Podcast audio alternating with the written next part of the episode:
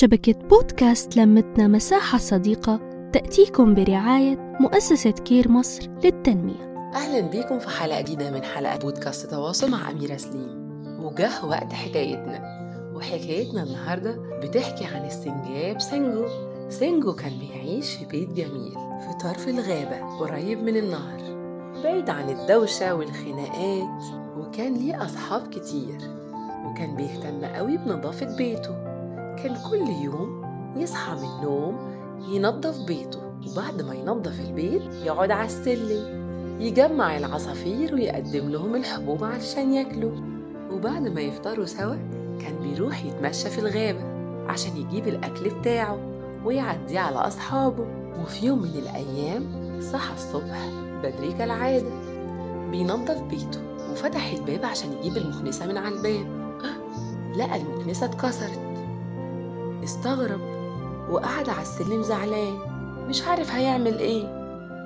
وهيصلحها إزاي؟ افتكر سينجو إن في قصب مزروع ناحية النهر وإن هو ممكن ياخد القصب ويصلح بيه المكنسة. جرى بسرعة للنهر عشان يجيب القصب ويرجع ويصلح المكنسة. استغرب سينجو. الله رجع البيت ومش لاقي المكنسة. المكنسة اختفت وملهاش أثر غضب جدا غضب سينجو وفجأة شاف أثر رجلين أثر رجلين على الأرض. كأن حد كان ماشي. بص وركز على شكل الرجلين. لقى إن شكل الرجلين ده شكل رجلين الأرنب. والفار فرفور أصحاب جري على بيت الأرنب. وسأله أنت شفت المكنسة؟ المكنسة بتاعتي كانت على الباب مكسورة. ورحت عشان أجيب القصب وأصلحها. ورجعت ما لقيتش المكنسة لقيتها اختفت. رد الأرنب وقال أنا عديت الصبح. عديت الصبح من قدام بيتك. ما لقيتش حد هناك وما شفتش المكنسة. مشى سينجو من عند الأرنب وهو حزين. وقال أكيد الفار فرفور هو اللي أخد مكنستي من قدام البيت. أنا رايح له. رايح له ومتأكد إن هو أكيد هو اللي أخد المكنسة بتاعتي. راح سينجو لفرفور وسأله. قال له يا فرفور مكنستي كانت قدام البيت. أنت أخدتها؟ رد فار فرفور وقال نفس اللي قاله الأرنوب أنا عديت من قدام بيتك وما شفتش حاجة ما شفتش مكنسة وما شفتش حد كمان. اتضايق اتضايق سينجو. مش عارف مين عدى مين أخد المكنسة بتاعته ومين كسرها. ورغم إن صحابه قالوا له إن هما ما أخدوش المكنسة إلا إن هو كان شاكك فيهم. ومشى زعلان. سينجو وهو راجع من البيت بتاع فرفور لقى صاحبه القرد مامي. القرد مامي كان قاعد موجوع وبيعيط عشان رجله متعورة. جرى عليه سينجو وقال له مالك؟ مالك يا مامي؟ في إيه؟ إيه اللي حصل؟ رد مامي وقال له أنا ودادو كنا بنلعب على الشجر. وبعد ما لعبنا جوعنا. اتفقنا إن إحنا نعمل سباق لغاية شجرة الموز. وأنا بسابق رجلي اتعورت ووقعت من على الشجرة. ودادو كان سابق ومحسش بيا ولا سمع صوتي. رد سينجو وقال له المهم دلوقتي إن إحنا نعالج رجلك. راح سينجو عند النهر وجاب له مية ونضف له رجله وكمان ربطها له وقال له اقعد هنا استنى تحت الشجرة. سينجو عارف مامي لسه جعان راح سينجو لغاية شجرة الموز. جاب له الموز ومشى. ورجع تاني. ولما وصل سينجو لمامي لقى القرد دادو عنده وهو كمان جايب له موز. سينجو سأل دادو إيه ده؟ إيه اللي حصل؟ دادو قال له إحنا كنا بنعمل سباق. أنا سبقت ووصلت لغاية شجرة الموز وببص ورايا ما لقيتش مامي. لقيته اختفى فقلت يمكن أنا سبقت بعيد عنه. ففكرت إن أنا آخد الموز وأرجع وناكل سوا.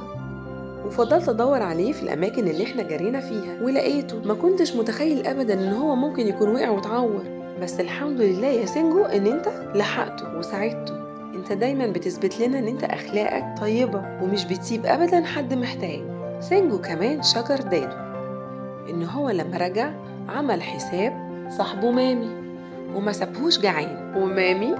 مامي شكرهم هما الاتنين. شكر سينجو وشكر دادو ورجع سينجو لبيته. ولما رجع لبيته اتفاجئ لقى العصافير جايبين المكنسة وصلحوها. فرح قوي فرح قوي بالمكنسة بتاعته اللي اتصلحت وإنه هيقدر تاني يرجع ينظف بيته. وافتكر إنه ظن السوق الفار فرفور ظن انه هو اللي أخد المكنسة وانه هو اللي كسرها. استغفر ربنا وقال استغفر الله العظيم. وقرر إن هو يرجع يعزم الفار فرفور والارنب أرانيبه في بيته ويصالحهم. ويحكي لهم على اللي حصل. وسنجو قال لفرفور ما كانش ينفع إن أنا أسيء الظن بيك. أنت صاحبي وعمري ما شفت منك حاجة وحشة ابدا.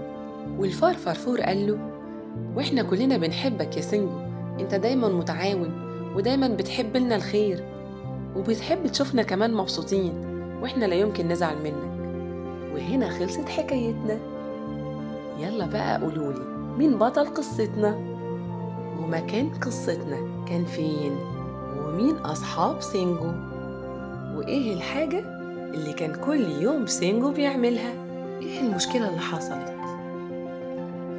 فرفور زعل من سينجو لما ظن فيه ظن سوء.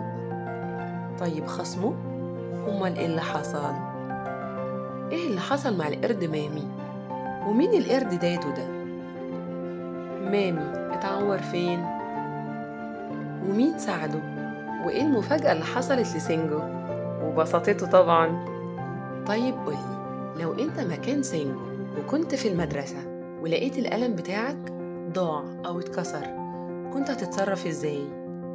طيب ولو لقيت حد من زمايلك معاه قلم شبه القلم ده هتتصرف إزاي؟ وإزاي ما تسقش الظن؟ وإزاي هتتأكد إن ده القلم مش بتاعك عشان ما تظلمهوش أو تتصرف تصرف مش كويس تناقش مع ماما في الموقف ده. وتخيل إن أنت فعلا اتحطيت في الموقف ده. وشوف هتتصرف إزاي. وهنا خلصت حكايتنا. استنوني الحلقة الجاية مع حكاية جديدة مع أميرة سليم. سلام! نحكي نتشارك نتواصل.